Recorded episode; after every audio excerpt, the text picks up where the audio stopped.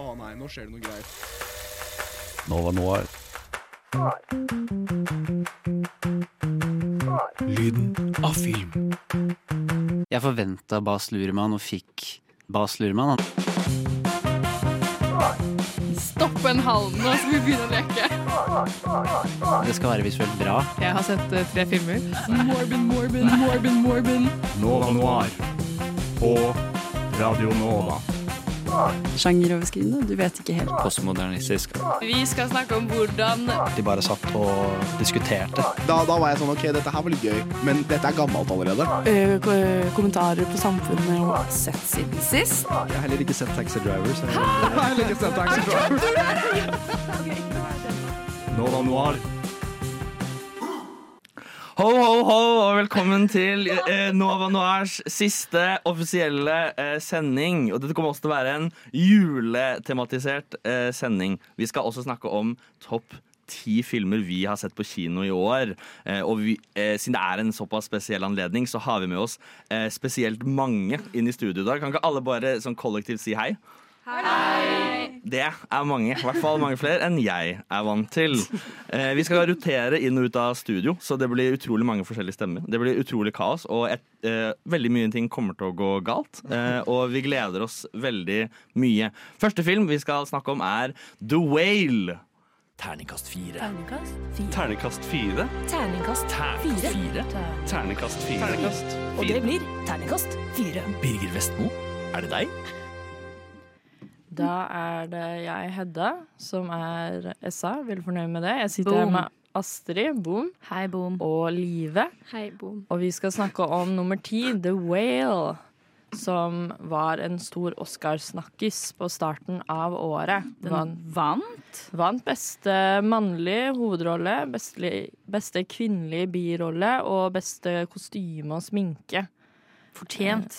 I hvert fall de to, den første og den siste. Ja, det vil jeg også si. Birolle er litt usikker. Det er mange andre fine kvinnelige biroller som har vært i år, så jeg vet ikke helt hvorfor. Ikke. Var det Sadie Sink, eller Eh, du spør godt. Ja, det- Ikke vet jeg. Ikke jeg heller. Jeg kan ikke noe om film. Jeg bare er her. sånn her.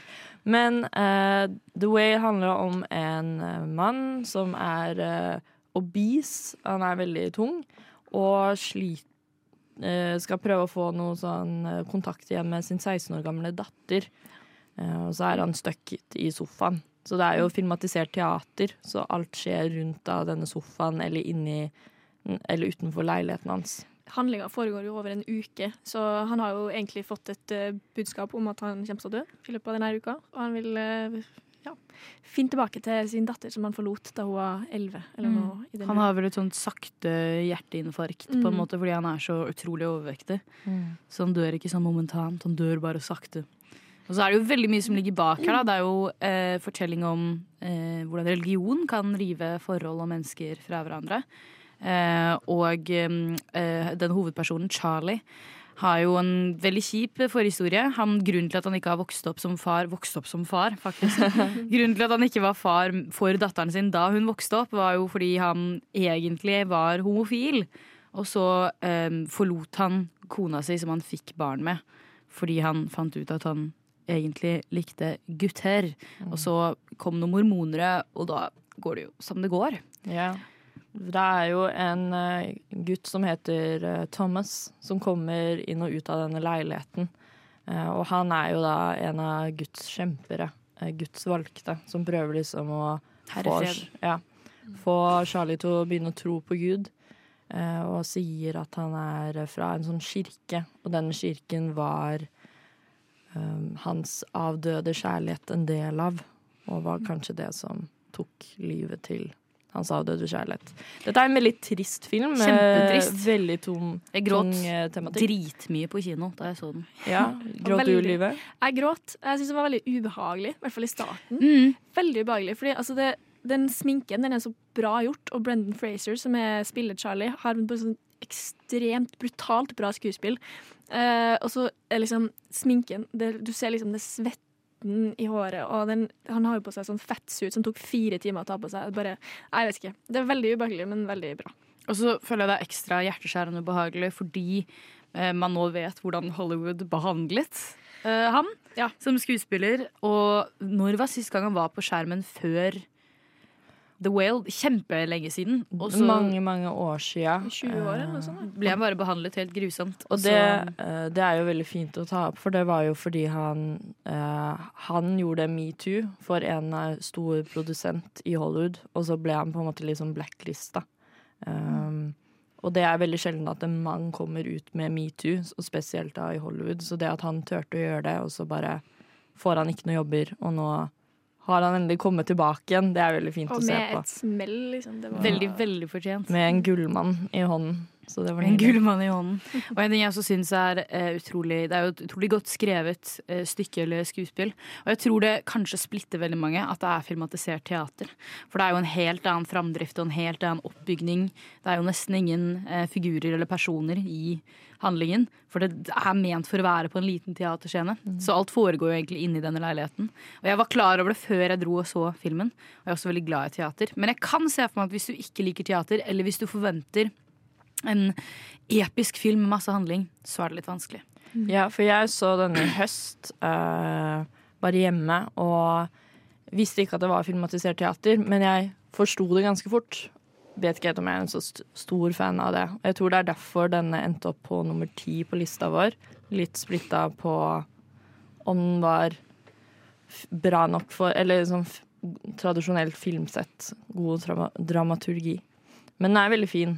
Og Veldig, veldig fin. veldig Alle, alle gråt.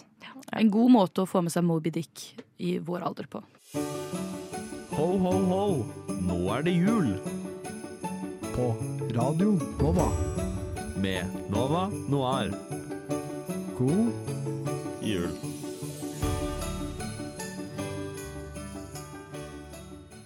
Hei, god jul. Hvilken julejingle det var, laget av vår kjære Johannes. Hei, jeg er Hei, Johannes. deres kjære Johannes. Og jeg er deres eh, kjære Astrid.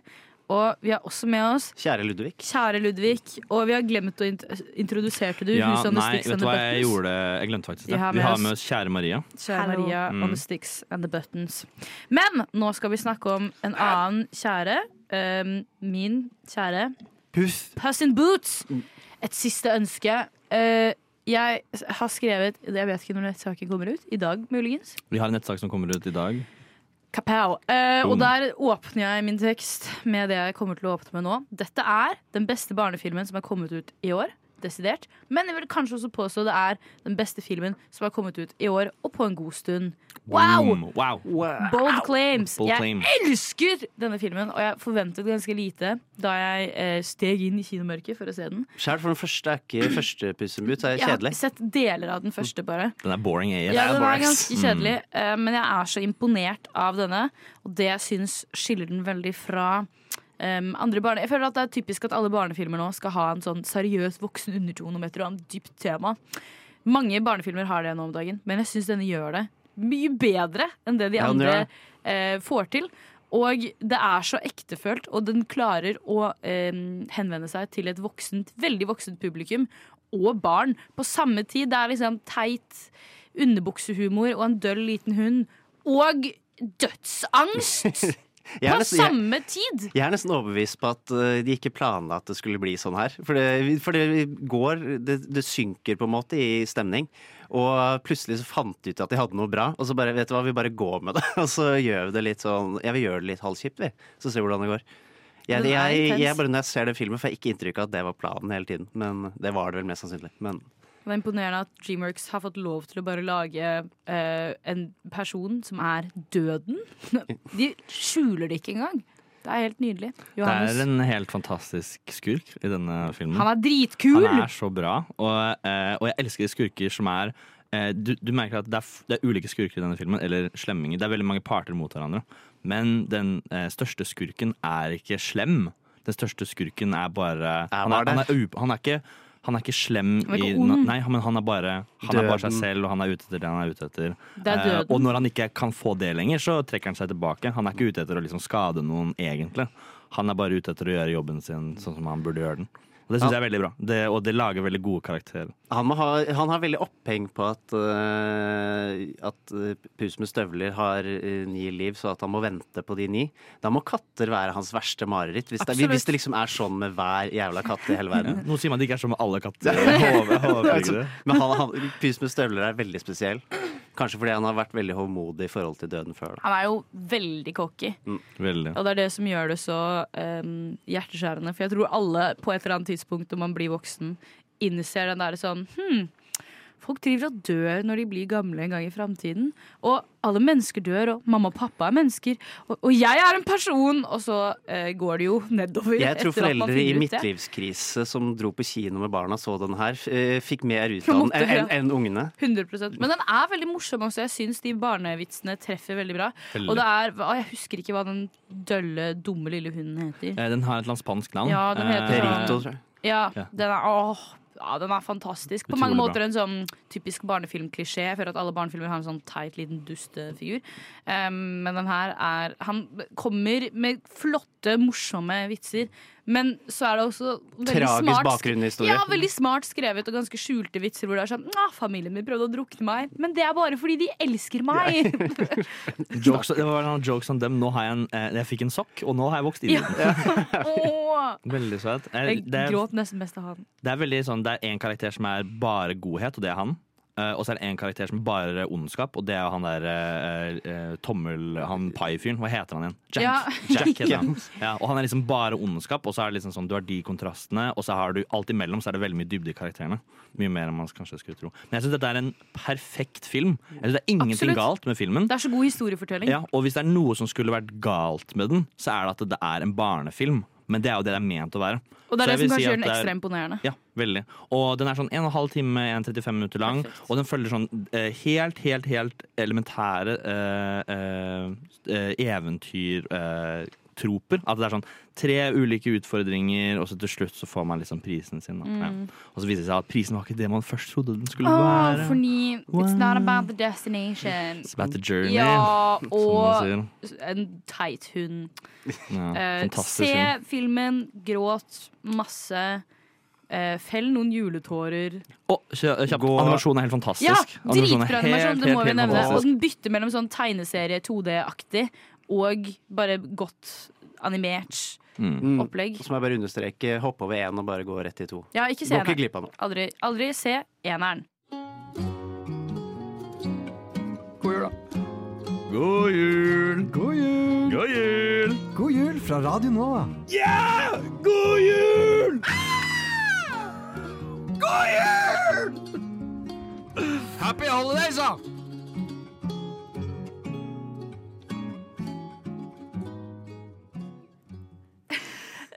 Happy holidays, da. Det er det som skjer hvis du fôrer Karl Aksel og Johannes med speed. Eller bare sånn generelt, hvis man C-studio. fôrer det. Gir dem et eh, knekkebrød. Den neste filmen vi skal snakke om, det er The Boy and the Heron. Eller wow! Gutten og hegeren, som vi kaller det på godt norsk. Eh, Og hvordan skal man egentlig oppsummere denne filmen? eh? Jeg har en bra måte å høre det på. Ja. Eh, jeg ble kvitt min dødsangst, men jeg fikk mer fugleangst. Det er det jeg kan si om den filmen. Så eh, ref, hvis du eh, hørte på forrige stikk, eh, eller forrige film vi snakket om s eh, Først se Puss in Boots, få masse dødsangst, og så kan du se den etterpå. Riktig. For de bare helbre, helbre, hva heter det? helbreder din dødsangst. Absolutely. Men hvis du er redd for fugler, Ja. for guds skyld, ikke send filmen. Ja. Nei, det handler jo om eh, Eller altså, det er jo Studio Ghibli sin uh, nyeste film. Hyao Miyazaki sin eh, siste film. Altså, Eh, allegedly. Ja, allegedly. Det har han si. sagt de siste fire filmene sine. Ja. Så det går jo dritbra, det. Ja. Eh, hva syns dere om den? Åh, jeg syns den var fantastisk. Jeg elsket den. Eh, jeg har ikke sett alt som finnes av Miyazaki Studio Ghibli. Så jeg, uh, Ghibli Jeg får alltid kritikk for at jeg sier det feil. Um, men uh, kanskje jeg hadde syntes noe annet om det hvis jeg hadde sett absolutt alt som er, for da hadde jeg kanskje hatt mer å sammenligne den med. Men god damn it! Den er jo dritbra. Og den er, det er så mye i den. Og så liker jeg også det at det er en av de mørkere Miyazaki-filmene hvert fall jeg har sett. Eh, hvis, sånn som jeg skrev i min fine anmeldelse av den som ligger på internetten. Hvis du likte Ponyo, eh, eller hvis treåringen din likte Ponyo, den er fin. Ikke se denne da, kanskje. Liker du prinsesse Mononoke? Da er det greit. Da må kan du se denne. Nei, jeg så en Eller en så jeg så faktisk ingenting. Jeg leste en nettsak for en gangs skyld. Jeg så ikke bare en TikTok. Jeg leste en anmeldelse, faktisk. Stå. Der uh, Stå på. Endelig litt sånn media sånn, Hva heter det? Uh, whatever. Drit i det. Heia Karin. Heia meg. Eh, jeg leste at eh, den filmen her egentlig handler om de to andre eh, eierne av Studio Ghibli. Oi! så Hayao Miyazaki har da laget denne filmen som at han er hovedrollen. Nå husker jeg Maito, er det det han heter? Ja, Maito, ja. Eh, så Miyazaki er Maito, og så er han ene Det er tre, tre menn. Han ene er Hegren, og han tredje er da denne gamle mannen som eier dette universet. Ja. Og han som er den gamle mannen, han i virkeligheten døde i 2018. Og etter det så har det bare, har ikke studio vært det samme siden. Okay. Og han begynte å lage filmen før han døde, med da egentlig planen om at han, gamle, denne gamle mannen skulle ha mye mer å si for storyen. Men da eh, han ene i eh, denne trioen døde, så gikk bare Miyazaki, Miyazaki inn i en sånn skikkelig sorgprosess. Og bare klarte ikke å lage noe til filmen. og bare skrev ut den gamle mannen. For han klarte ikke å forholde seg til at hans venn og lange liksom, businesspartner var blitt død. Så han gjorde om hele filmen til en mer sånn døden er ikke så ille som den skal være. Uh, og så sitter da uh, uh, Marto og denne Hegren igjen da, aleine, uten den gamle mannen. Og da var jeg sånn wow, dette var en så fin film, egentlig. For den er veldig dyp, og det er veldig mange lag. Og det er, jeg har bare sett den én gang nå. Jeg så den på åpningen fra Film fra sør. Med um, godeste den japanske ambassadøren i salen. Jeg og Arthur var helt overbevist om at det var Miyazaki. Det var ikke, for han hadde masse bodyguards og sånn, så vi ble sånn wow! Er Sitter i rommet med en legende. Men um, jeg skulle si at det er veldig mange lag i den, og det er absolutt en sånn film du må se flere ganger. For det virker som den stereotypiske Ghibli-eventyrfilmen. Oi, det er en portal i enden av hagen, og mammaen hans er død. Ja. Og faren hans eh, har, Dater tante hans. ja, har begynt å ligge med tante hans og skal få barn med tante hans. Ja. Og de prøver ikke å ta det opp på en kritisk måte engang. Det sånn, ah, Ja, ja. det er noe som skjer. De nevner jo egentlig aldri det? at hun er tante hans heller. De sier bare at eh, hun er den nye dama til faren, Ja. og hun er tilfeldigvis søsteren til moren. Ja, det er sånn, Det er det de å ja, forresten. Men eh, en ting jeg også vil nevne om Åh, det er så mye jeg vil si. Um, eh, jeg ønsker meg en virvelvrims til jul. Det gjør jeg. Ja. Enig. Hva er syns du om filmen, Live? Jeg syns den var uh, veldig bra, men utrolig creepy. Den Ja, er kjempeskummel. Når jeg først så uh, altså starta, altså Den heter jo 'Gutten og Hegren', så jeg så jo for meg at Hegra kom til å være et sånt stort symbol, eller kanskje det var mora, for mora dør jo på starten. Så tenkte kanskje oi, eh, mora er gjenfødt i en hegre, eller noe sånt. Men faen meg Den Hegren er så creepy. supercreepy. Det er liksom først, Og Ja. pedofil. Nei da. Men jeg får litt sånn ja, det var noe skurra litt med en hegra, fordi det bor liksom en lit- lite troll inni en hegra, så når liksom hegra gaper litt ekstra, så dukker det opp liksom en, en nese og to øyne. Ja! Ah, tennene hans. Ja, herregud. Creepy. Altså, hvis du ikke liker liksom hegrer eller undulater eller eh, noen Eller pelikaner, bare ikke se denne filmen her. Men se den. Det, om du vil ikke se den på japansk, så er det verdt å se den på engelsk, fordi Robert i bare boom! Han nailer Han er Så den på engelsk? Nei, sånn på japansk, men jeg vet at Robert Pattinson er hegeren. Og William. Defoe er i den, og Florence Pugh. Ja. Alle, alle guttene. Konklusjon, vil vi anbefale den? Ja! Absolutt en av de aller beste filmene som har kommet ut i år. Helt enig. Veldig bra. Jeg Er en liten gutt som elsker julaften.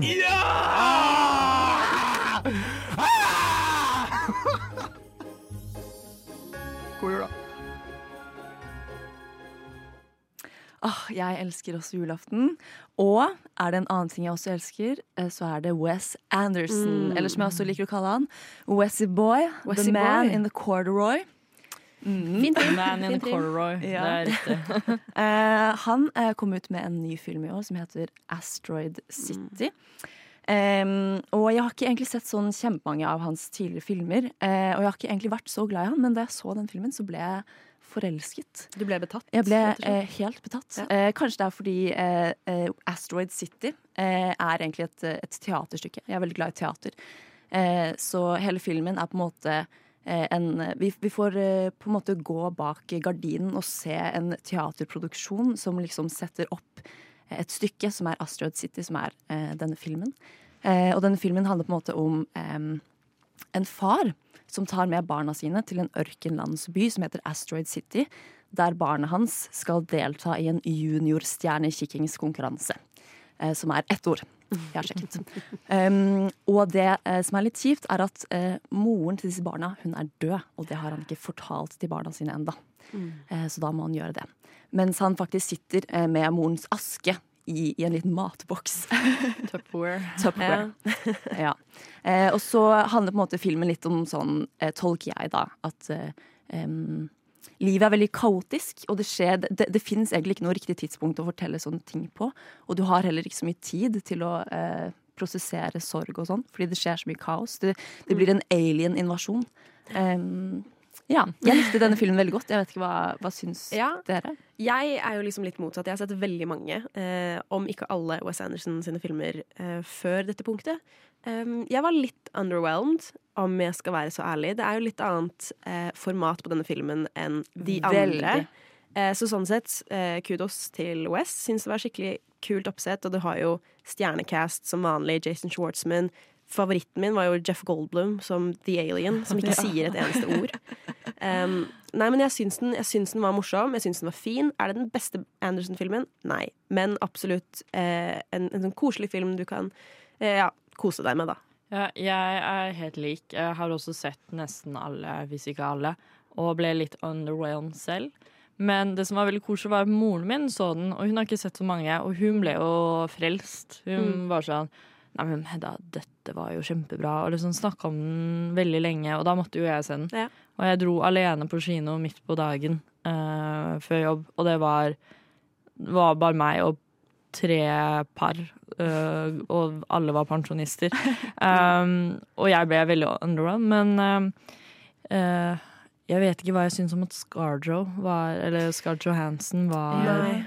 hovedrollen. For jeg er ikke så Hæ? stor fan. Men tenker du at hun var hovedrolle? Nei, hun var en av de. Ja, hun var en av de. Birolle, kanskje. Men uh, Fordi eh, det som skjer litt, er jo at eh, eh, masse forskjellige folk eh, tar med seg eh, barna sine, og alle barna er på en måte eh, genier. Eh, og så mens de har denne stjernekikkingskonkurransen, så kommer det et romvesen på besøk. Og da eh, setter staten alle i karantene, liksom, fordi dette er kjempehemmelig, og dette skal på en måte ikke eh, komme ut. Så da er det masse forskjellige folk. Det er veldig mange historier som blir fortalt. Det er masse Mm. forskjellige folk som på en måte blir fanget her i karantene. Og Scarlett Johansson spiller da en eh, kjent skuespillerinne eh, som vi blir kjent med, og hun har en slags relasjon til, eh, til han eh, eh, En sånn kjærlighetsinteresse. Ja, ja en Mm. slags mm, kjærlighetsinteresse.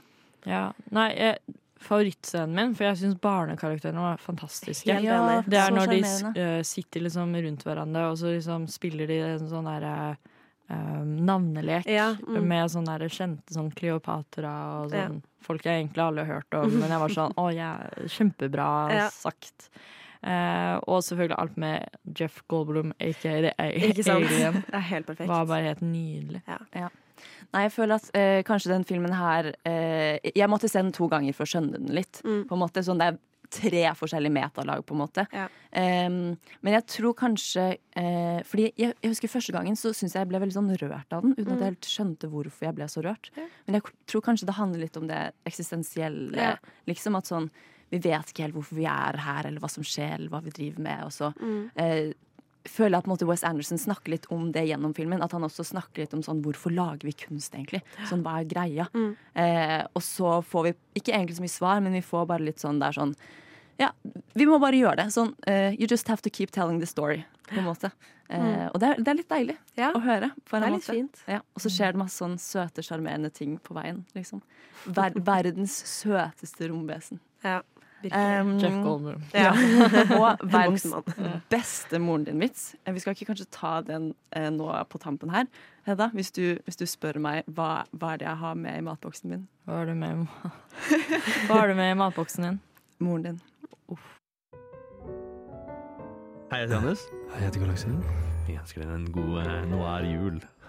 Jeg håper du Håper du har den beste julen du noensinne kan få. Wow! Ja, god jul, dere. Nå sitter vi her i studio. Jeg heter Karl Aksel, og jeg sitter med Ludvig. Og Live. Wow! Vi skal snakke om Tar. Det er jo en film, det. Hva syns dere om den, egentlig? Det er en film. Nydelig. Det en. Dritbra. Dritbra film. Jeg likte den. Jeg Ja. tror jeg bare um, eh, Litt feil eh, mood, Ja. uh, egentlig. For, For- jeg så den i går. Ja, ikke sant? Du så den i går, midt på dagen, sa du også? Ja, jeg gjorde det. Det var litt uh, dumt av meg. Jeg Ja, vet det jo er, bedre. det er ikke en midt på dagen-film. Det er ikke det. Uh, den varer jo i hva da, to timer og 40 minutter. Ja. Eh, og det er ganske mye eh, liksom prating. Den strekker seg godt. Men den gjør det. eh, Vet du hva, tar- jeg jeg syns den blåste forbi, jeg, den filmen. Ja, jeg Selv om det bare er dialogbasert, liksom. Men det er kanskje også fordi hver enkeltscene på en måte varer mellom et kvarter opp mot en halvtime. ja, ja. mm. Det er jo, eh, Tar handler jo egentlig bare om eh, Kate Blanchett. Og bare, hun er den perfekte maestro eh, med et altfor stort ego, og det bare knuses totalt. Eh, og jeg elsker det. Og, jeg, altså jeg er veldig glad i filmer hvor du bare ser en veldig pretensiøs karakter bare bli slått ned som bare faen. Synes jeg er veldig gøy. Ja, Det er utrolig artig. Det er jo en perfekt blanding av liksom, sympati og ikke-sympati her. For hun er jo Hun har jo noen litt sånn nei, sosiale, psykologiske problemer. Ja, ja, og eh, hun har et ekstremt rart språkbruk Mhm. og eh, kanskje en form for eh, sosial eh, Ikke sosial angst, men en eller annen tilstand som hemmer eh, sosial intelligens. Ja, det aller meste. Nå jeg prøver å være så diplomatisk som mulig. Fordi det som, En sånn gjenganger i filmen er jo språk. Hun snakker Mm. hele tiden om at musikk er et språk, som, eh, og et eh, språk liksom sidestilt menneskespråk, Ja. eller vanlige språk. Og det, det kan hun jo. Det er Ja. musikkspråk hun kan, men med en gang hun skal gjøre noe som har med andre mennesker å gjøre, da bare raser hele korthuset faller sammen. Det er veldig gøy, for hun har jo en lang Altså en av de åpningsscenene, jeg tror det er eh, tredje scene i hele filmen, er jo den derre tiraden hun har eh, på Juilliard. Eh, som også er en one-shot-scene, hvor liksom hun bare går på en, ja, en rant om hvordan eh, sexisme og sånn ikke fins. Og bare sånn at eh, alle er så woke om dagen, som er eh, veldig tidsriktig. Eh, og så ser man jo egentlig bare Altså, det er så eh, denne menneskelige interaksjonen altså, Det kan jo ikke være en ekte situasjon, egentlig, for hun er jo bare helt spinnvill i, det, i den scenen. Og jeg tror også hele karakteren om, om Tar Nå glemmer jeg hva fornavnet hennes er. Julia? Var det det? Lydia. Eh, Lydia. Lydia var det. Lydia. Lydia Tar eh, er jo skrevet for Kate Blanchett. Jeg tror også den var liksom skrevet med Kate Blanchett i tankene. Og det ser man jo liksom med en gang. Om at liksom, det er ingen andre enn Kate Blanchett som kan Hun spille gjør en dritbra jobb. Ja. Men hva, hva var liksom førsteinntrykket ditt siden du så den i går, da? Um, øh, hva skal jeg si? Jeg syns det var det var bra. Jeg, jeg likte den jo egentlig. Jeg tror bare det var litt feil sinnsstemning, som sagt. Ja.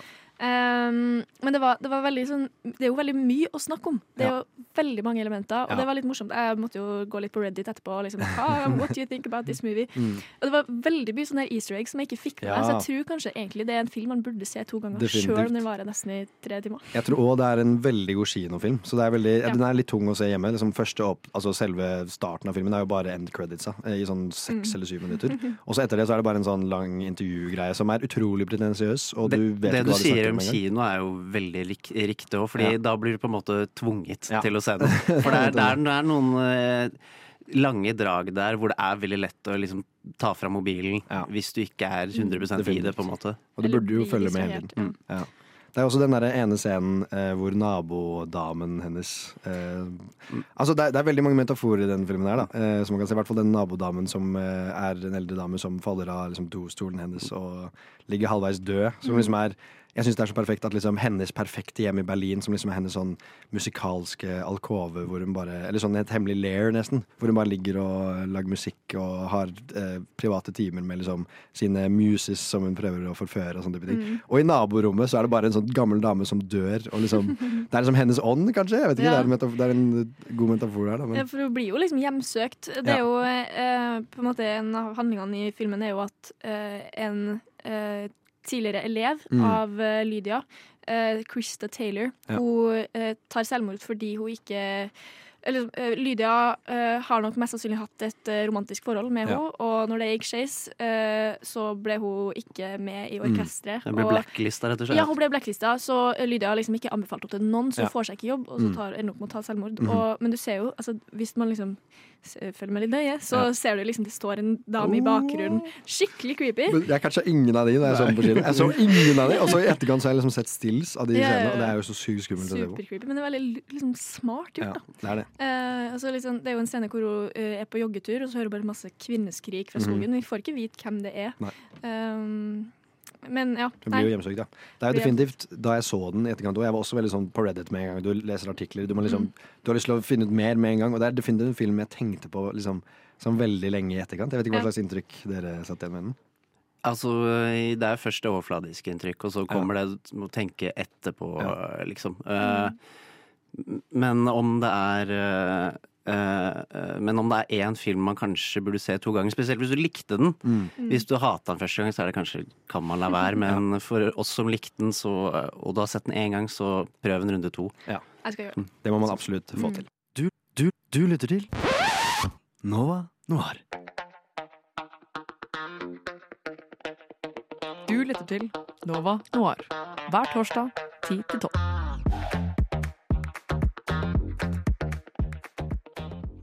Ja, det stemmer. Du lytter til Nova Noir, men mer spesifikt akkurat nå lytter du til meg, Michelle og Ludvig og Anne. Og vi skal lose deg gjennom neste film på lista. Em, personlig favoritt av meg. Kanskje ikke for hele året, men den er i hvert fall topp tre. Eh, Kanskje topp to, eller nummer to, da, i så fall.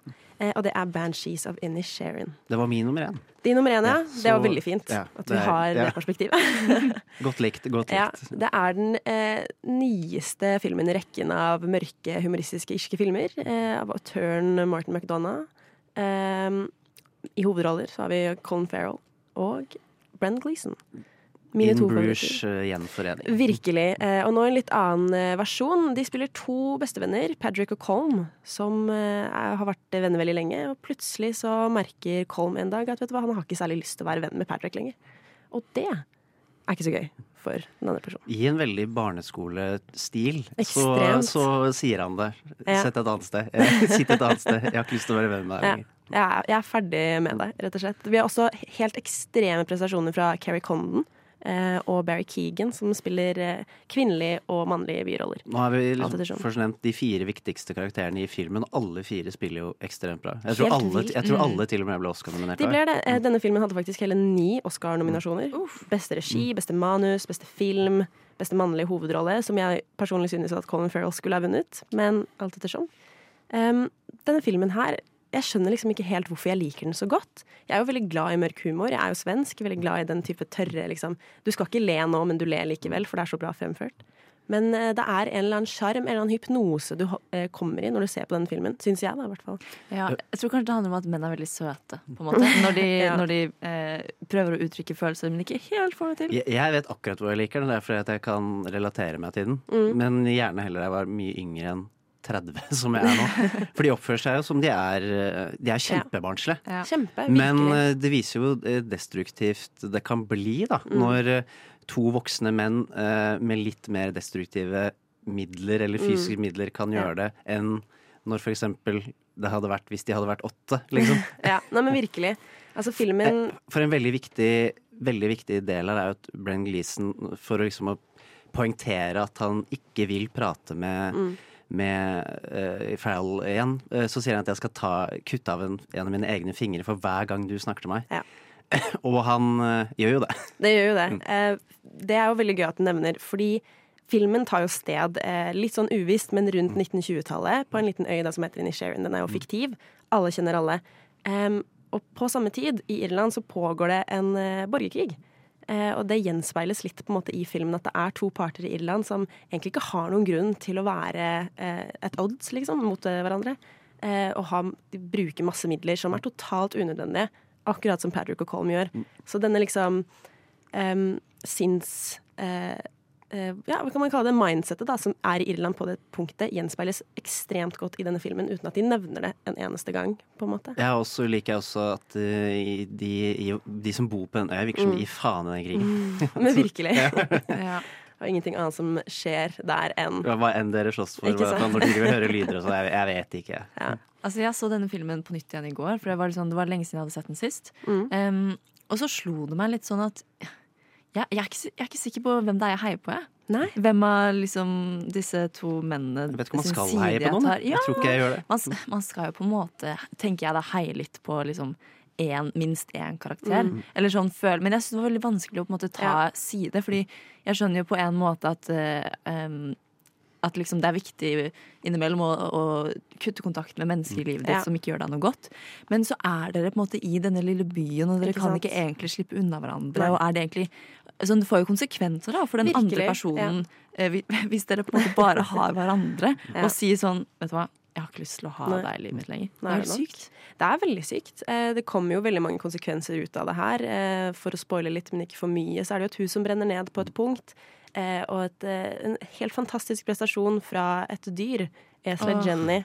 Um, beste karakteren i Jeg, hele jeg tror det ble mitt nye yndlingsfilmdyr etter jeg Ja. så filmen. Nei, men samme her. Jeg tror faktisk det er liksom et topp. Ja, ja, men den, det er en veldig viktig karaktertrekk ved Colin Farrell sin rolle. Mm, det hadde ikke blitt det samme, samme uten Esle. Nei, ikke i det hele tatt. Um, rett og slett så vil jeg bare si at denne filmen her var helt fantastisk. Um, det tror jeg du som lytter også kommer til å innse hvis du ikke har sett den før.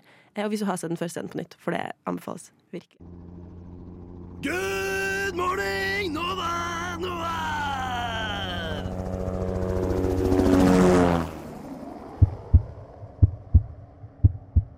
Hello, Barbie. Hi, Barbie. Nå skal vi snakke om Banjo snakker om. Vi snakke om, Barbie og. Åpenbart. Sjokk. Ja. Vi er da to Barbier og en Ken i studio akkurat nå. AKA Og Karin. Maria Allen, kanskje? Hæ? Maria, kan du være Allen? Er du Ellen? OK, da. Yes. AKA eh, Barbie Karin, Barbie Astrid, Ken Ludvig og Alan Maria. He's just Ken. He's just Ken. I'm just Ludvig. Eventuelt. vi skal da snakke om uh, Barbie, som har, vi har kåret til den fjerde beste filmen i år. Shit. Likte dere Barbie? Ja. Ja, veldig. Men det tok meg litt tid å prosessere, fordi det er eh, Jeg tror ikke det er en film man kanskje liker så godt første gang man ser den. Hvis det er Hæ? mening. Sykt å melde. Eller sånn da jeg gikk ut av kinoen, så var jeg litt sånn OK. Hæ? Og så tok det meg litt tid og litt refleksjon, og så var jeg sånn Nei, men dette er ekstremt bra skrevet. Men eh, jeg kan veldig godt skjønne hvis folk ikke liker den. Men feminisme Jeg tror hvis folk ikke liker den, så har de ikke skjønt greia. Det er liksom det. Uh, Og det er og jeg- så cocky ting å si Men- som men er- filmnerd, men på ordentlig. Det er liksom uh, Vi Og nå skal jeg ikke snakke for deg, Ludvig, fordi du er en ekte Ken. Ken. så du skjønner You akkurat hva vi snakker om. Knaff. Men som jente i uh, film Ikke bransjen, men folk som liker film. Det å sitte og se på film etter film etter film om menn og mannlige opplevelser og mannlige hovedroller, og det er bare menn, og dersom det er en dame, så er det bare en digg dame som skal være med. Og, skal bare, og, hvis, og det er som halv, halvparten av filmer består ikke Bechdel-testen engang. Altså Nei. to navngitte kvinnelige karakterer snakker med hverandre om noe som ikke handler om en mann. Det at det er liksom The bars on the floor, liksom. Og når jeg da får se en film som faktisk handler om ting jeg kan kjenne meg igjen i, og som handler om erfaringer jeg har hatt, og som er erfaringer jeg har hatt med venninnene mine, og vi kan sitte og se på hverandre i salen og være sånn ha-ha, nikker anerkjennende, og vi kan le av det. Og- det er liksom Du føler deg for en gangs skyld så jævlig sett, liksom. Mm. Det som jeg syns er litt trist, er at de må si ting som veldig De gjør det jo med vilje, da. det er et viktig grep, men at de sier ting rett ut som de snakker til oss. Eh, Men jeg liker det. Men jeg, jeg, jeg syns det var teit på starten, men når, når det ble en greie at det ikke bare var sånn på starten, for liksom å lose oss inn i filmen, at de fortsetter den gimmicken hele tiden, da er det sånn, ja ok, da er, da er det kontinuitet. Er, nå, nå skjønner jeg hvor denne filmen skal hen, og det liker jeg. For det er noe av det jeg har hørt fra mine venner som har sett filmen, og andre jeg har snakket med, som ikke likte den. Og det er det at åh, men de gjør det så åpenbart. De prøver ikke å skjule det der. Og de mener da at det liksom ikke er så bra skrevet, men der er jeg jo veldig uenig. Fordi eh, hvis du ser på dette som en liten feministisk propagandafilm, som jeg syns det er på den aller beste måten, så er det et så enormt behov for å si ting rett ut. Det er ikke rom for at du skal pakke inn alt hele tiden. Og noen ganger er det dritkult at de bare bryter den fjerde veggen og bare er sånn Ja. Poenget er jo at det trengs jo Absolutt. å forklares på det mest elementære nivået, fordi åpenbart når folk reagerer på det sånn Å, jeg skjønte ikke, den er dårlig skrevet. Øh, fuck det, så er det jo Det er derfor den er Mm. skrevet så midt i fleisen. Feministisk, på en måte. Fordi folk sitter da og kritiserer den med sånn Å, men eh, de snakker jo ned om mennene, de åssen det er å være mann i dagens samfunn. Så er det sånn Du er grunnen til at den filmen her ble laget! Og så digger jeg de for, forumgutta, Reddit-gutta og sånn, på de, de fæle redditene, subredditene. Ja, jeg bare, jeg drev, drev og stalka noen av dem i kjølvannet av Barbie, faktisk før jeg hadde sett Barbie. For jeg, bare- jeg bare visste at uh, her kommer armeen. Det det, er, det, er, det kan bli et fint supplement til Barbie. Gå inn på Se hva gutta holder på med. Ja, Det var, det var en sånn kollasj av masse sånn letterboxed slaktereviews fra masse incels rett etter Barbie, og det ene var, tror jeg var sånn bare Just a lot of really confusing, attractive, attractive people slapping you in the face. Jeg var sånn, okay. okay takk for den, liksom. Jeg syns det er veldig gøy at de drar så uh, harde jokes med sånn derre eh, Det derre eh, CEO-panelet til Mattel. De er bare sånn Vi er opptatt av mangfold. Vi tolv mennene her i panelet er veldig opptatt av at vi skal ha mangfold for kvinner og minoriteter. Og så er det bare tolv hvite menn som sitter der. Det jeg liker skikkelig skikkelig godt, er hvor tro den er til Barbie-universet. Og hvor effektivt det er som grep når hun kommer til den virkelige verden, og mange av de tingene som gjør henne til en plastikkdukke, begynner å forsvinne. På starten når hun bare alle som hadde Barbie-dukker da de var små, hadde Barbiehus. Du gadd jo ikke å gå ned trappene med Barbien din hvis den skulle ned. Du bare løftet den ned. ja, ja. Så hun bare flyr ned fra sengen sin på starten av dagen. Hun spiser jo ikke mat, hun bare sitter og løfter Nei, en kopp til så første gang hun drikker noe, så er hun sånn Oi, hva faen? Jeg visste ikke det kom ut. Ja, Jeg pleier ikke å måtte Nei, jeg syns det er um, um, Jeg liker liksom at det er så uh, hardt og tydelig og klart. Og absolutt en film verdt å se. Og som mann så kan du også kjenne deg igjen i veldig mye av det som skjer. Uten at det er ikke Jeg syns ikke det er en fornærmende film. Det Ikke, ikke i det hele tatt. Da, da sliter du med noe annet, tror jeg. Ja. Vi skal videre til uh, vår topp tre, og begynner først da med Aftersun, etterfulgt av en låt. Eh, hei. Hei.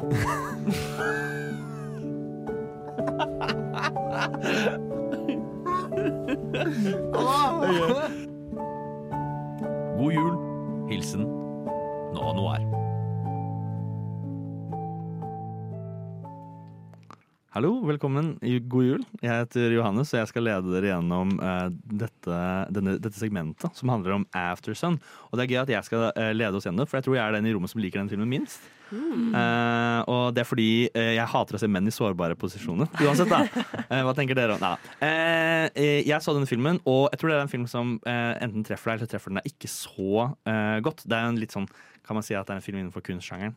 Eh, ish. Ja, ja, Ja. Eh, men jeg har to ganske engasjerte eh, medlemmer i dette rommet. Og kanskje en av de har lyst til å liksom, forklare hvorfor de syns filmen er så bra. Det er noen som har lyst til å tørre å ta ordet. Mm, Michelle. Ok, det var meg. Ja. Ja. Nei, um, jeg kan liksom Det er jo litt som du sier, enten så treffer den deg, eller så gjør den ikke det. Um, og jeg kan ikke helt forklare hvorfor den treffer meg så ekstremt godt. For jeg kan egentlig ikke relatere noe særlig til verken karakterene eller storylinen. Um, men likevel så er det noe så forbanna fint med måten det blir fortalt på. Jeg elsker jo Paul Mescal. Eh, elsker REM, så det er jo helt perfekt. Nei da, jeg liker den ene låten. Men eh, nei, den er bare helt forferdelig vakker. Den er så fint laga. Det er en, det er en så enkel eh, plotline å følge at alt rundt ved den liksom bare drar deg inn. Hvis det gir mening. Ja, det skjer jo ikke så veldig mye, så det er på en måte, jeg føler det er kanskje derfor den passer ganske godt inn i den kunstfilmsjangeren. Med at Mm, det liksom, ja. du må supplementere eh, ingen hendelser med eh, noe som helst. Jo, det er OK. Men, fordi det som skjer i filmen, er jo på en måte at eh, Sophie, tror jeg hun heter, hun er på en sånn sydenferie med eh, faren sin. Um, og han fikk henne nok eh, men da han var ganske Ja. ung. Han er fortsatt ganske ung, han har ikke så god råd. Um, og han sliter ganske eh, med psyken sin. Han er nok eh, alvorlig Hvordan vet deprimert. vi det? Hvordan vet du at han sliter med psyken sin? Eh, han går rundt og er trist og Mm. gjør masse rare ting på kvelden etter at hun har lagt seg. Han drikker ganske mye. Ja. Em, og så bruker han alle pengene sine Sånn alle pengene sine på Mm. eh, et teppe.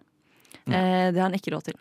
Em, og så uh, tar han jo uh, livet sitt uh, etter de kommer hjem fra denne ferien. Mm. Um, og så følger vi på en måte Sophie mens hun er voksen, og ser tilbake på barndommen sin. da. Um, ja. jeg relaterer kanskje litt vel mye til denne filmen. Jeg har sett den én gang, jeg skal aldri se den igjen. Eh, Ok, ja. Det var skikkelig hardt, men også veldig fint. Det er en veldig god film, og den skildrer, syns jeg, veldig godt eh, hvordan det er sånn å miste noen når du er ung, Ja. og hvordan eh, på en måte eh, Når du da blir eldre, eh, hvordan det mennesket på en måte blir mest sånn Mm. eh, minner. Ja. Sånn små sånn glimt. Det er jo debuten til Charlotte Wells som er regissøren, og det er vel basert på hennes egen er, historie? ja, er det er basert på Ja. hennes historie. Mm. Er det hun som spiller uh, denne personen som Denne dattera som våkner opp og sånn? Eh, Vet du? Jeg tror faktisk ikke det. Jeg tror det er en annen, skuespiller. ja. Ja. Det er en parallell det. Er jo Mm. to er sånn jeg vil ikke si rammefortelling, men vi følger jo egentlig eh, Det er et, mm, det føles litt ut som tilbakeblikk. Ja. Fordi vi våkner opp med en karakter som da åpenbart drømmer disse tingene, eller tenker på disse tingene som vi får lov til å se Mm. tilbake. Og eh, jeg skal eh, gi masse creds med at jeg syns filmen er utrolig Det er en veldig bra film. Ja. Mm. Eh, sykt tight manus, veldig bra, utrolig bra skuespillere. Mm. Sykt bra casting av hun Det er hennes skuespillerdebut, tror jeg. Ja. Eh, Denne jenta som spiller dattera eh, i historien. Og hun spiller så utrolig bra. Utrolig bra. Utrolig bra. Og hun er Helt egentlig fantastisk. skotsk, tror jeg. Ja. Eh, ja. Eh, ja. Spiller helt fantastisk, og det gjør også Paul Mescal. Spiller helt fantastisk. Eh, Jeg skal ikke ta noe bort ifra det. Jeg tror bare at når det kommer til sånne eh, filmer, så er de veldig polariserende. Med at de Ja. bruker det er veldig, det er, Kunst i seg selv er veldig polariserende, og du vil aldri Mm. noen for ikke like eh, moderne kunst. Eh, eller eh, like noe moderne kunst, men ikke all. Fordi at det er såpass det blir veldig ja, polariserende at det treffer deg eller treffer deg ikke. Og Ja. denne filmen føler jeg er veldig sånn. At eh, jeg kan sette pris på historien, historiefortellingen, alt dette greiene. Eh, og, og mye av eh, tematikken er veldig interessant, eh, og mye av bildene er utrolig fine. Mm. Eh, og det er veldig mange ting jeg liker veldig godt med filmen. Ja. Jeg tror bare helhetlig så funka den ikke helt for meg. Nei. Av uh, kanskje samme grunn som Michelle ikke klarer å forklare hvorfor hun liker den så godt, så klarer Ja. ikke jeg å forklare hvorfor jeg ikke liker den så godt. Ja.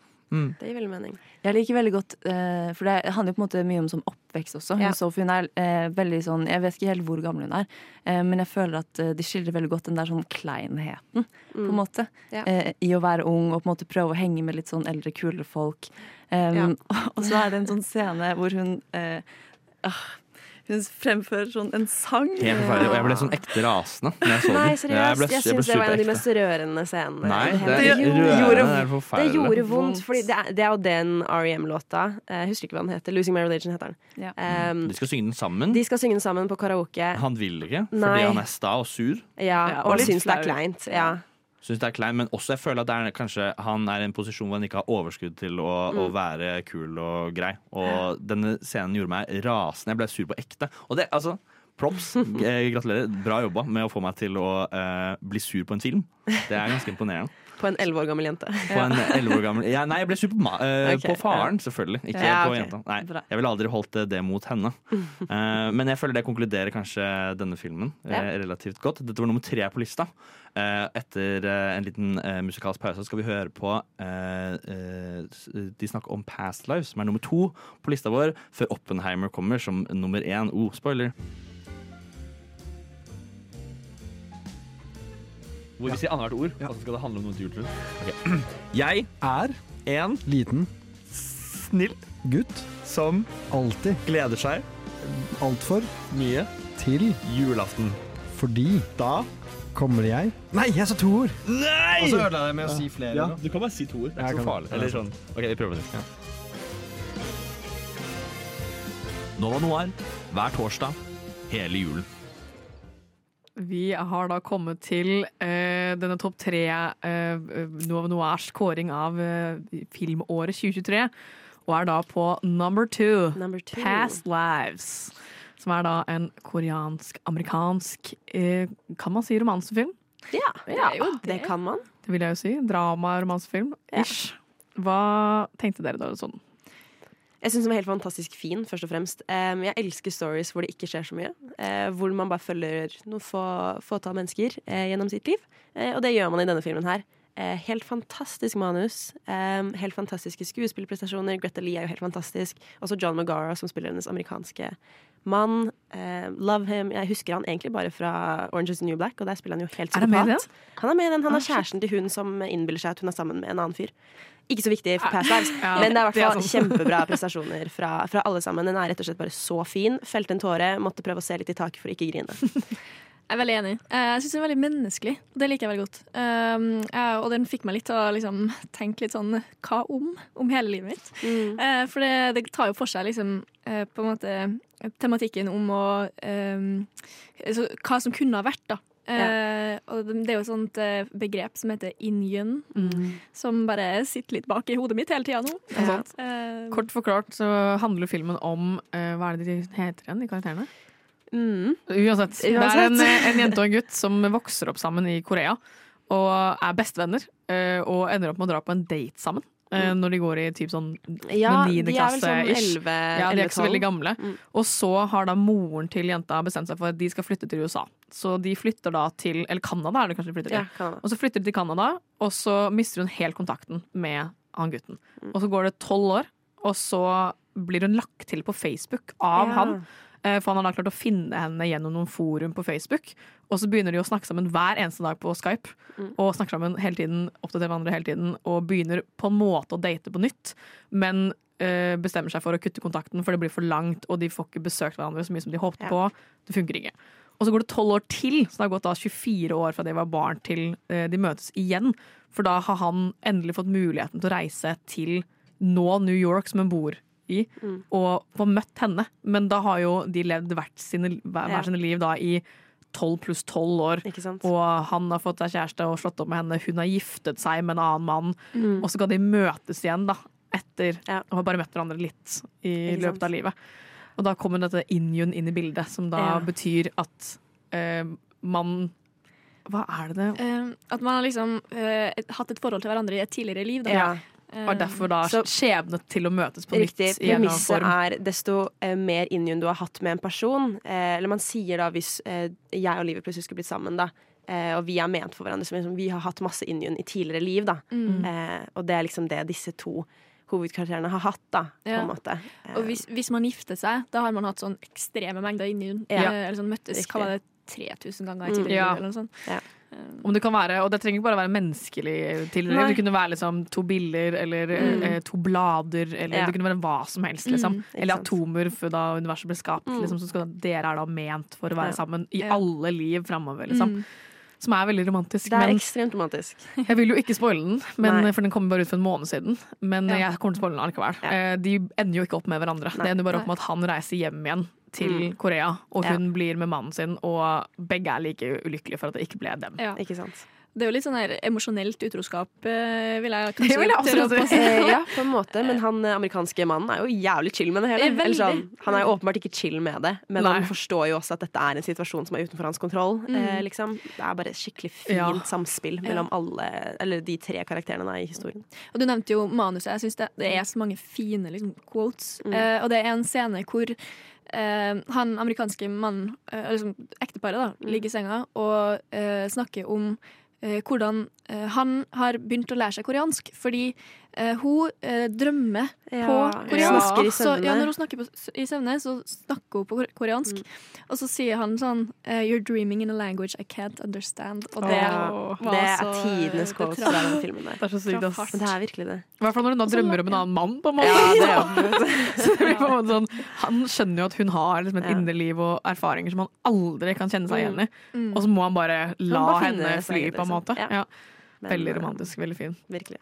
Jeg tror det her var eh, en av de beste filmene jeg så i hele år. Jeg er helt enig. Ja. Helt, helt, helt, Helt fantastisk. Og alt er så bra. Det er så nydelig cinematografi og Ja. musikk og Nei. Virkelig. Det minner meg litt om eh, den Before Sunrise-trilogien. Ja. Egentlig, For det skjer jo ingenting, Nei. men det skjer masse. Det er bare masse gode quotes og mye god samtale. sånn. Men Mm. eh, se Past Lives. Veldig Absolutt. enig. Bare forbered deg på å begynne. Du hører på Nova Noir, filmprogrammet på Radio Nova. Spoilere kan forekomme.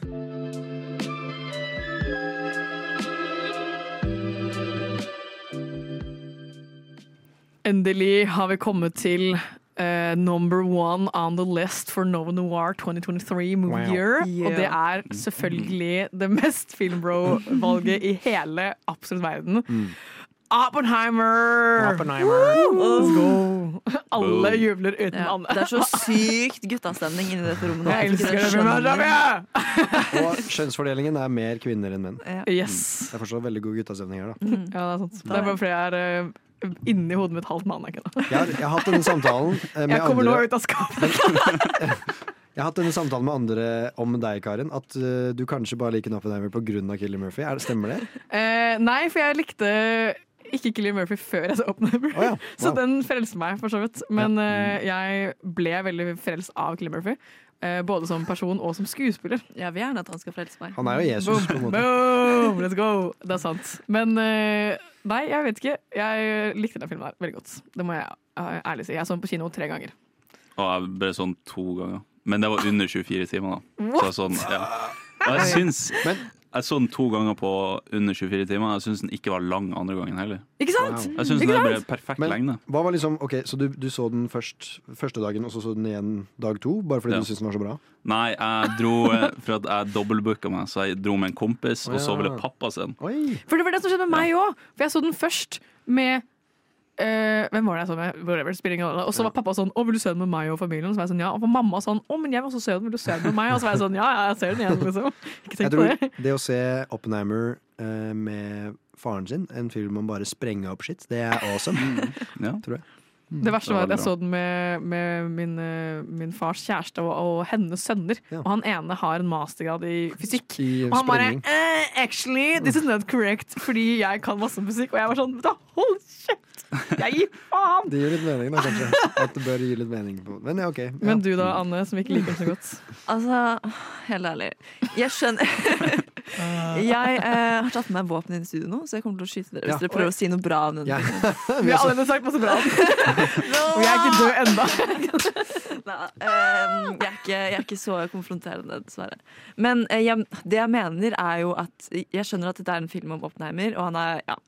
Men jeg bare syns at liksom alle kvinnene som blir portrettert i denne filmen, blir portrettert på en helt forferdelig ens, ja, ensformet måte. De er der bare for å ha sex med Killian Murphy. Mm. Eller med. Oppenheimer, da.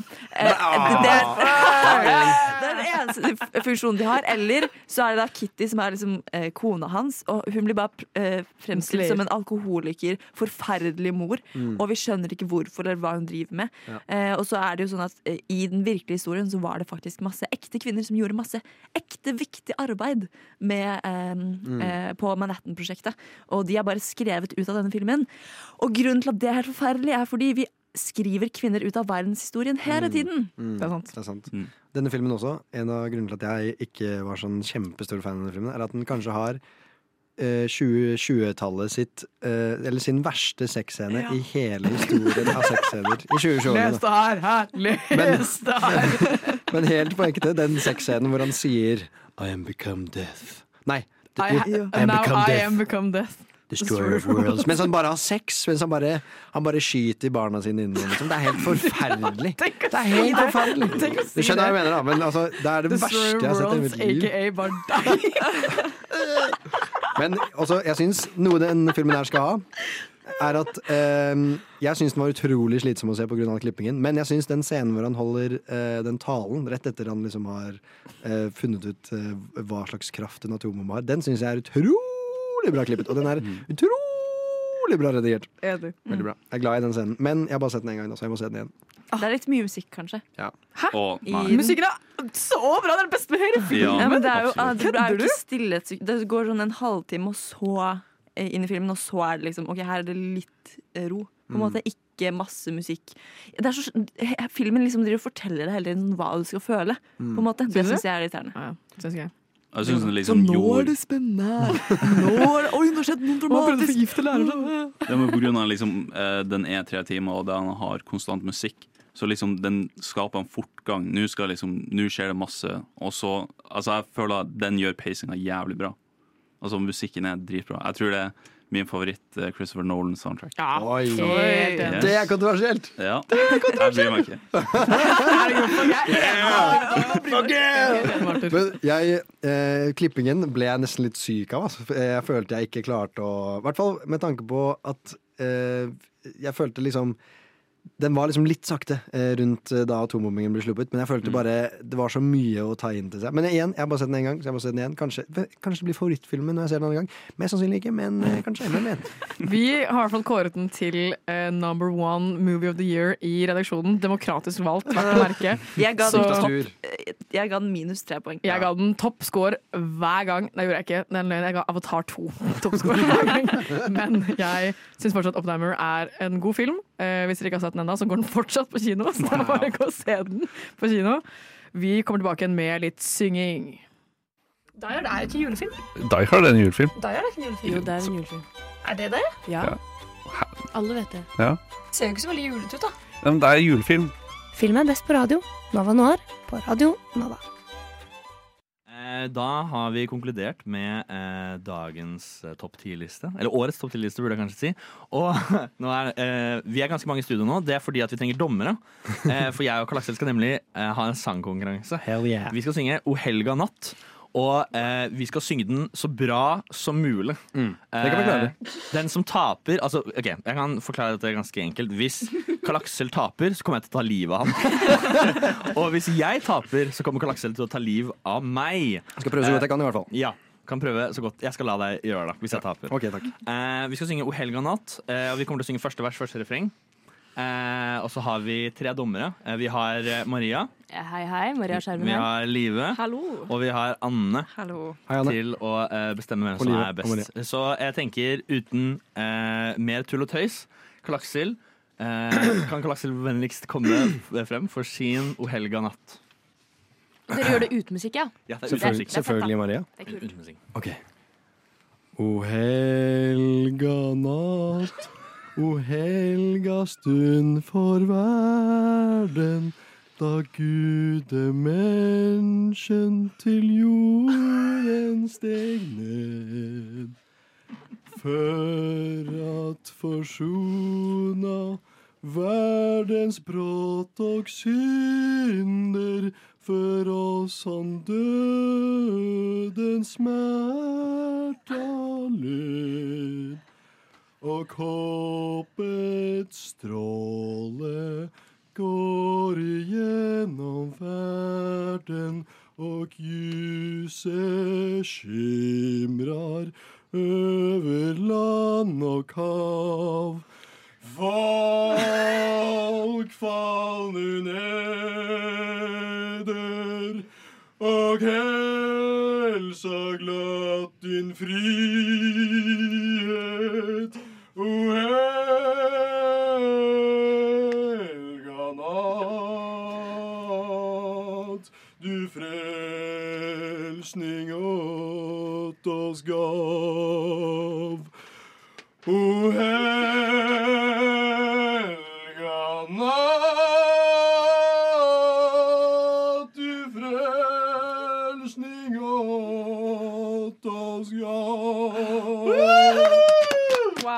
gråter. Jeg gråter. En tåre. Ja. du, liksom, du tok ordentlig i. Det setter jeg veldig pris på. Det, jeg, jeg likte veldig godt at det liksom var blanding av svensk og tysk. Fordi det var liksom svensk for det meste, men menneskene var menschen, Og det synes jeg er spenstig. Gudamenschen. Gudamennesken. Gud.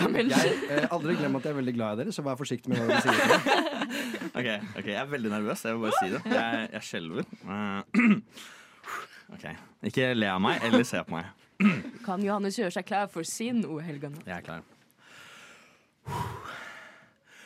O helga natt O helga stund for verden, da gudemenneskan til jorden steg ned.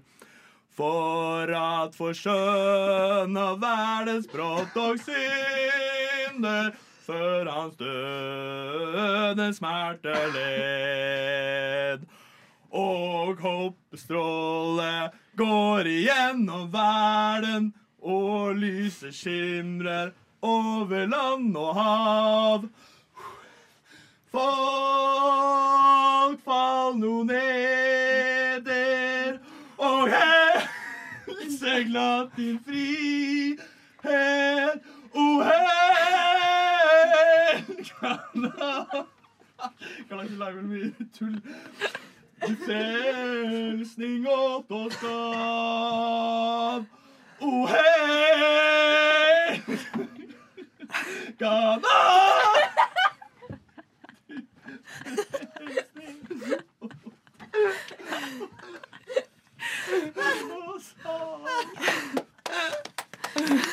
Wow. Jo, Johannes Johannes, Det merket vi. i alle mine fem år da jeg drev med radio, har jeg aldri opplevd noen som klarer å pike, selv når det ligger på minus 40 desibel. Jeg er mektig imponert. Takk. Jeg vil at alle skal ta det i betraktning når dere bestemmer hvem som Jeg må jo si at de blodårene som spratt ut av både hals og panne på den mannen her nå Nå Det er full innlevelse her. Er Nå lager vi et bra radiobilde her, og det er bra. Veldig Oi, oi, oi. Og mye passion. Veldig Skal mye vi, skal vi klemme Johannes? Ja, vi skal klemme. Ja. Jeg bare lurer på eh, sånn, tak Takler de det hvis vi sier at en er best og en er dårligst? Liksom? Ja, det er litt Nei, dere må- Vi har ikke Kan jeg- psykolog på Det må standby. være brutalt. Å ja. Eh, Det er kan, litt jeg gjøre det. det, kan jeg gjøre min igjen? Nei. Jeg føler jeg var litt dårlig. Nei, ingen har lyst til å gjøre det igjen. vits i Eh, det. men det jeg OK, min eh, Nå skal jeg være Trine Deli Kleve. Eh, liten håndbevegelse på trynet til Kleve. Uh, overall så syns jeg at uh, Kaksel sin var sterkest. Der var det mer jevnt. Eh, Han sto mer i det. Jeg trodde på O helga natten hans. Jeg trodde ikke så mye på O helga natten din, eh, Johannes. Karl Aksel holder på å le seg Ja, det er. Karl Aksel saboterte veldig. Han ja, Ja, var var ekstremt oppmerksomhetssyk. Dette- Hadde sånn hosteanfall i Det hjørnet. var, det var ikke min feil. Det var fordi jeg sang så pent på den for at jeg måtte puste hoste. Ja, jeg skal ærlig innrømme. Eh, jeg synes at uh, I starten var du litt monoton, Karl Aksel. Ja. Men uh, på refrenget pika du med vibrato. Jeg er sykt Ja, det- mektig imponert. ja. Johannes syns du var litt useriøs. Så Ja. beklager. Jeg, Nå er det dårlig. Nå er det dårlig stemning Jeg vil ta min på nytt. Mm. Jeg. Nei, men det, det var, ve- altså, du hadde best innlevelse. Det skal Ja. sies. Uh, Ja, jeg syns men egentlig Kasper hadde best innlevelse. Syns du? Mm. Men du ble en annen person, følte jeg. Ja. Jeg jeg er ikke meg selv nå. Nei. Nei, så egentlig så er det ikke Karl Aksel som vant, da. Det er en annen person.